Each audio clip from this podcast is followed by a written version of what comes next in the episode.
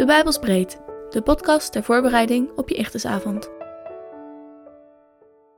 Geestelijke strijd. Dit document is een korte briefing over het oorlogsplan waar jij aan deelneemt. Waarom is er strijd? God schiep alles, inclusief de engelen, maar vermoedelijk een derde van de engelen kwam in opstand, omdat zij zelf God wilden zijn. Ze trachten een staatsgreep te plegen, maar dat is niet gelukt. Een schepper heeft ze uit de hemel naar de aarde gegooid. Uit haat tegen God besloten de gevangene engelen toen om Gods geliefde mensheid kapot te gaan maken. Ze zijn er toen op aarde in geslaagd de mensheid te verleiden om van God af te dalen en in de web van zonde verschrikt te raken. Zonde is een technische term voor alles wat de verbinding tussen God en mensen verstoort. God heeft echter de redding van de mensheid al gepland en gang gezet.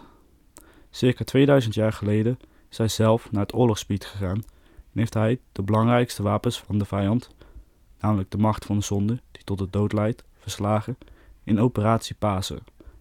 Deze dag staat ook wel bekend als D-Day. De uiteindelijke volledige bevrijding moet nog plaatsvinden. Operatie Wederkomst. En voor nu begeven we ons dus in de strijd tussen D-Day en de bevrijding. Er wordt nu dus gestreden voor de positie van de mensen, niet voor wie er God zou zijn, daar is geen twijfel over mogelijk. Wie is de vijand? De vijanden zijn de gevangene engelen, ook wel demonen genoemd, die geleid worden door Satan. Voorheen de belangrijkste engel van God, nu ook wel bekend als de vader van de leugen. Satan is de aanklager van de mensheid. Hij heeft een geldige claim op de zielen van mensen omdat zij gezondigd hebben en daarmee zichzelf buiten God en in de macht van de vijand hebben geplaatst. Let goed op, de zondige mensen zijn dus de gevangenen, niet de vijanden. Wie zijn wij? In eerste instantie is deze oorlog een oorlog tussen God en een deel van zijn schepselen. Er is dus geen enkele mogelijkheid waarop de Almachtige dit zou kunnen verliezen. Naast God vecht aan onze kant ook de rest van de engelen en de gemeente. Alhoewel de Almachtige niemand nodig heeft, is het belangrijk om te noemen dat God graag de engelen en de gemeente bij de oorlog betrekt. Let goed op. Op onszelf maken wij als individu geen schijn van kans om bij te dragen aan deze oorlog. We zouden onmiddellijk worden verzwolgen door de demonen. Maar God heeft ervoor gekozen om ons samen te binden door een deel van Hemzelf, de Heilige Geest, in ons te laten wonen en ons samen als één machtige partij in oorlog te laten staan, genaamd de gemeente.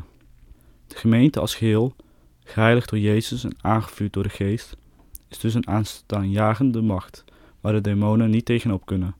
En jij hebt dus de rol van verzetstrijder in bezet gebied.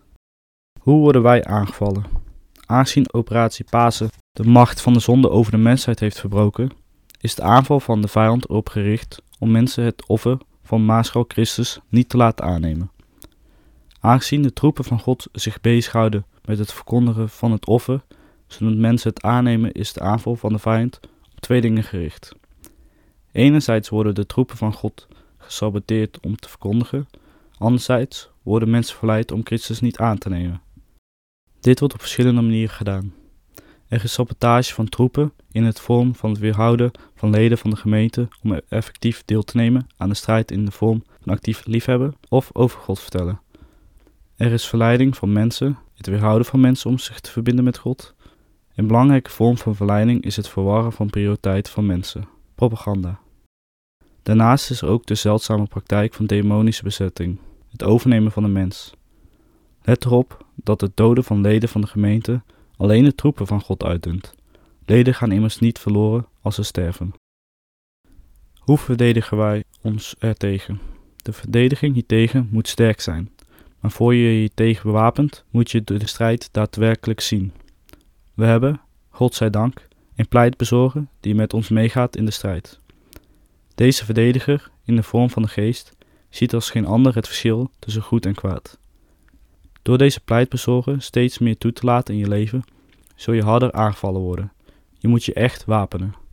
Een aantal tips: draag een helm, een borstwapen, een gordel, een schild, een zwaard en schoenen.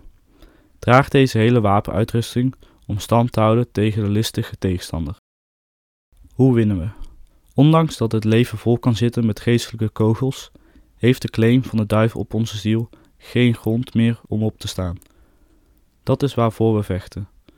Om mensen te bevrijden van de straf die zij moeten dragen voor hun overtredingen, dat is de macht die gebroken is. Kies je voor God, dan kies je niet voor de duivel en die verleiding. Kies je voor rechtvaardigheid, dan kies je niet voor onrechtvaardigheid. Kies er dus voor om zout en licht te zijn. Kies ervoor om de liefde van God uit te dragen. Het allerbelangrijkste dan toch echt, als allerlaatst, ervaar je deze geestelijke strijd, dan is er één wapen dat uitkomst biedt. Bid. Bid om de leiding van de Heilige Geest, zonder ophouden. Heb voortdurend contact met de aanvoerder. Hij zal dichtbij zijn. Nu jij. Dus, ben jij klaar voor de strijd? En hoe ervaar jij de strijd? Wat zie jij ervan? Heer, Vader in de hemel, ik wil u bidden om onze ogen te openen. Laat ons weten wat u van ons verlangt in deze strijd. Om Jezus wil. Amen.